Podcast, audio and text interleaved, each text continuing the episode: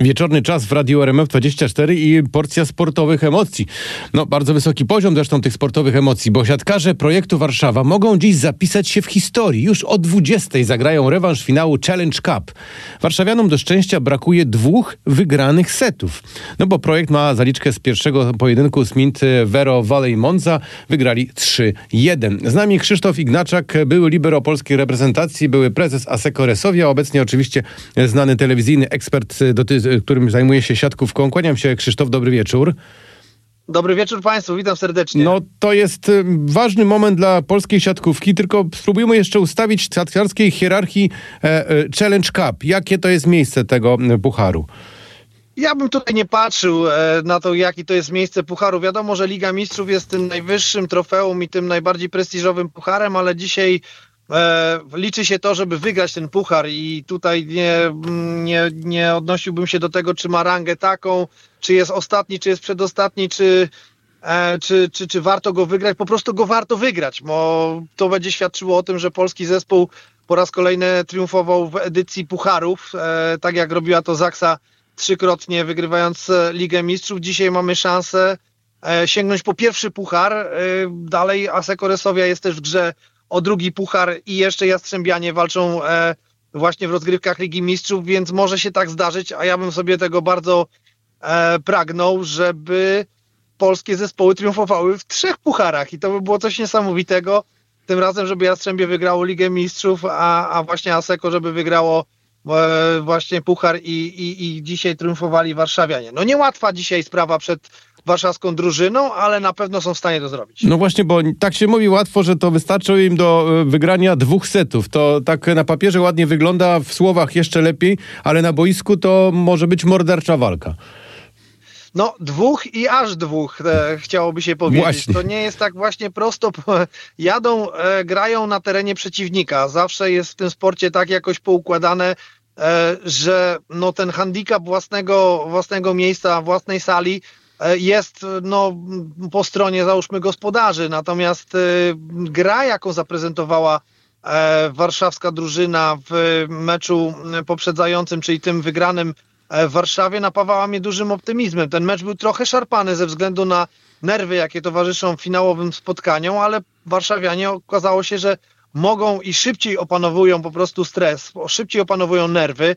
Natomiast po drugiej stronie też stoi bardzo klasowa drużyna. Włoska drużyna, która no, może znieść się na wyżyny swoich umiejętności, ale mamy dwie szanse, tak trochę można powiedzieć, tak. bo pomimo nawet porażki, zakładając, że przeda, przegraliby, załóżmy to spotkanie nawet 3-0 czy 3-1, to zawsze zostaje ten e, złoty set, w którym jest wszystko możliwe i tutaj nie ma faworytów. Tutaj jest po prostu jeden set, który jest grany do 15 punktów i kto wystrzeże się mniej błędów popełni, ten po prostu ten e, mecz wygra. Ja e, kibicuję dzisiaj i serducho moje jest za drużyną z Warszawy i liczę na to, że pokażą po prostu pełnię swoich umiejętności, zagrają na luzie, i będą w stanie pokonać zespół e, z Włoch. Krzysztof, powiedziałeś, że ten pierwszy mecz był trochę e, szarpany. Czy to też oznacza, że w takim razie trzeba z tego pojedynku wyciągnąć tyle wniosków i później je wykorzystać w tym dzisiejszym spotkaniu, czy raczej oni wchodzą na boisko na czysto, zapominając o tym, co było w poprzednim spotkaniu? Ja powiem tak, no gospodarze dzisiaj są postawieni pod ścianą i to na pewno będzie na pe im w jakiś sposób mogło ciążyć. E, oni muszą, Warszawa może, Hmm. E, projekt, no wydaje mi się, że dzisiaj na te pierwsze momenty wyjdzie na pewno e, lepiej dysponowany w sensie psychicznym, rozluźniony, bo mają ogromną zaliczkę w postaci wygranego tego spotkania. To jednak e, przyciskamy trochę przeciwnika i przeciwnik będzie tutaj wyraźnie pewnie chciał narzucić swój rytm gry na samym początku, więc spodziewam się takiej nawałnicy ze strony zespołu włoskiego, natomiast mam nadzieję, że podniosą wysoko gardę e, warszawianie, będą ją mocno trzymali, twardo. Wysoko e, nad siatką, wysoko nad siatką pewnie. wysoko nad siatką, tak, w postaci bloku tak. E, i dobrych zagrywek, które będą punktowe leciały na drugą stronę. Ja, tak jak powiedziałem, jestem tutaj mocno zbudowany, bo, bo, bo projekt prezentuje na przestrzeni całego sezonu bardzo fajną, równą grę. Bardzo przyjemnie się patrzy, grają naprawdę fantastyczną siatkówkę, przyjemną dla oka. No, bawią się tym, e, bawią się tym sportem, co, co nie zawsze e, idzie w parze z dobrymi wynikami, a tutaj akurat w Warszawie e, ten zespół jest dobrze zbilansowany. Mamy Artura Szalpuka, który świetnie prezentuje się na przestrzeni całego sezonu i no, aspiruje do gry w reprezentacji. Widać tutaj mocny mocny sygnał w stronę trenera Nikoli Grbicza do tego, żeby powołał go, bo przecież jest rok olimpijski, więc Artur też ma świadomość, że chciałby pojechać pewnie na te igrzyska i daje jasny sygnał do powołania. Kevin Tillis to jest e, no, klasa sama w sobie. Zobaczymy, jak będzie prezentował się Bartek Bułądź, bo miał niestety e, jakąś infekcję, nie mógł wystąpić w tamtym spotkaniu i zastąpił go E, niemiecki atakujący, ale myślę, że wyjdą teraz z Bartkiem. To też już będzie e, dodatkowy plus dla warszawskiej drużyny, bo Bartek też ma świetny sezon, też ma znakomite notowania, więc e, na pewno nie znają go zespołu przeciwnego zawodnicy. To jest lewa ręka, to jest zupełnie inny atak, więc to też jest kolejny plus, taki mały e, po stronie, załóżmy, drużyny z Warszawy. Krzysztof, wymieniłeś kilka nazwisk, e, padło kilka osób, które tutaj są no, wybitnymi siatkarzami, jeśli chodzi zwłaszcza o naszą reprezentację, ale w ostatnich dniach głośno było jeszcze o jednym nazwisku, czyli chodzi o Bartka Kurka, który ma wrócić do polskiej ligi. Informacja o tym, że e, zawodnik miał już podpisać kontrakt z Zaksą, przekazał przegląd sportowy. Czy ty się spodziewałeś, że Bartek tu wróci?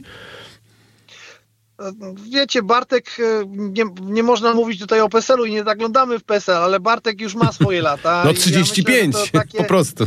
No, takie wojaże po prostu gdzieś tam za granicą e, też czasami zmuszają do refleksji. Myślę, że Bartek podjął e, decyzję, żeby po, tutaj wrócić. E, występował już w barwach e, Kędzierzyna. Kędzierzyn no, przez e, te ostatnie trzy lata pokazał swoją klasę, wygrywając trzykrotnie Ligę Mistrzów e, i Bartek chyba będzie taką e, no, osobą, która ma wrócić tą świetność Zaksy. Mówi się też o francuskim przyjmującym Ngapecie, który miałby faktycznie zasilić te szeregi. To też byłaby niewątpliwie transferowa bomba i, i dodałoby to olbrzymiego kolorytu, myślę, w kolejnych rozgrywkach naszej rodzimej Plus Ligi.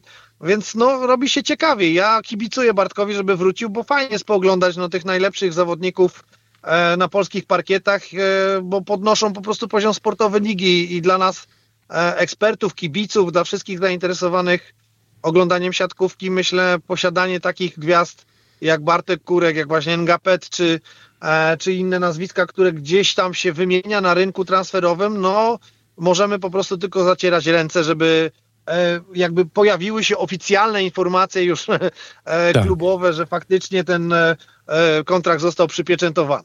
Możemy powiedzieć wprost, że to jest taki ruch i powrót z tak zwanego kierunku japońskiego, w który z kolei rusza Aleksander Szliwka, bo on ma od przyszłego sezonu grać w Santory Sunbirds Osaka. I tu się zastanawiam nad tym, dlaczego akurat ten japoński kierunek jest tak, nazwijmy to, popularny, albo w taki sposób, no właśnie, odbierany przez siatkarzy wybitnych, którzy tam szukają pewnie też trochę sportowych emocji i być może też pieniędzy.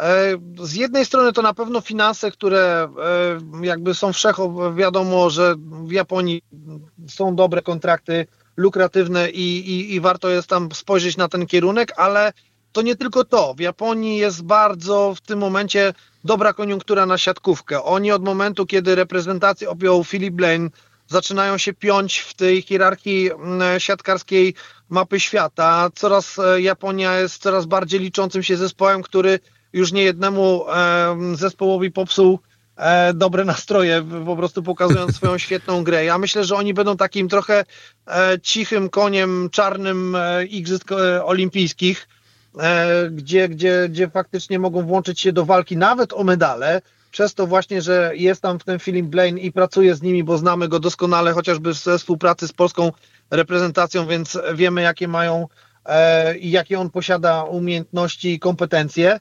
Natomiast też jest to, że oni mocno postawili na rozwój siatkówki. Tam e, otworzył się rynek japoński na kolejnego zagranicznego zawodnika, plus dodatkowego jednego azjatyckiego zawodnika, co pokazuje, że mogą już grać trzech, może już grać trzech obcokrajowców, E, więc ten rynek będzie się rozwijał. Tam coraz więcej gwiazd sportowych będzie patrzyło właśnie w tamtym kierunku. Oni mają strategię bodajże do 3, 2030 któregoś roku, żeby ta dyscyplina sportu stała się najpopularniejszą dyscypliną e, w Japonii. I widzę, że im idzie to bardzo dobrze. Mają ten przemyślany e, kierunek e, i wydaje mi się, że ten kierunek, który obrali jest bardzo dobry, więc możemy się spodziewać no, spektakularnych transferów najlepszych siatkarzy w kierunku właśnie japońskim. Czy myślisz, że w takim razie, biorąc pod uwagę te no, plany, które ma e, Japonia i siatków, siatkówka japońska, czy to może sprawić, że jeszcze kolejnych e, zawodników, mówiąc tak obrazowo, będzie wysysać z polskiej ligi e, i trochę będziemy na tym też tracić?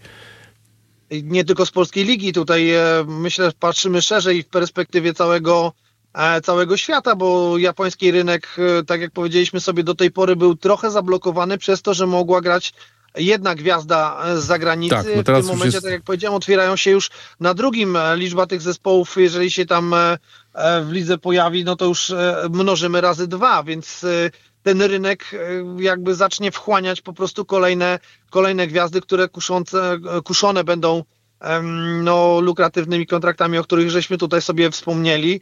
E, Zobaczymy, no bardzo ciekawa taka geopolityczna na mapie siatkarskiej sytuacja się robi, bo Turcy też się włączają do, e, do odbudowywania swojej ligi i płacenia e, dobrych i bardzo dobrych pieniędzy, więc będzie coraz ciężej utrzymać nam no, te najlepsze nazwiska w Polsce, no bo jednak e, wiadomo, że my mamy ograniczone budżety, budżety nie są z gumy, Tak. e, sponsorów nie przybywa z dnia na dzień, to się nie powiększa, więc tutaj myślę, że pre- prezesi w polskiej lidze na pewno będą bacznie patrzeć na to, jak, jak e, moderują się budżety zagranicznych klubów, no i mam nadzieję, że będą w jakiś sposób próbowali podjąć rękawice, aby utrzymać te największe gwiazdy, a tym samym atrakcyjność polskiej ligi. Czekając na sukcesy e, siatkówki japońskiej, czekamy również na sukces e, polskiej drużyny, po to dziś właśnie projekt e, Warszawa będzie walczył w finale Challenge Cup. Krzysztof, to na koniec jeszcze tylko, czy dałbyś radę dzisiaj przewidzieć jakiś wynik, co ci podpowiada serce, a co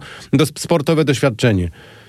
Ja serducho to mówi 3-1 i, i rozum też mówi 3-1, e, że wygra e, mm, projekt. Także tutaj uważam, że to się rozstrzygnie w pierwszych dwóch setach, a później już będą świętować, puści trener drugą szóstkę i i oby tak było, oby taki scenariusz się sprawdził, bo najgorszym scenariuszem będzie jak będzie po jeden, bo będzie bardzo nerwowo. Tak.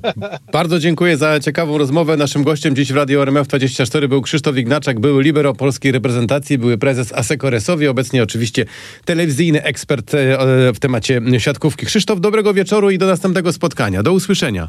Do, do usłyszenia, dobranoc.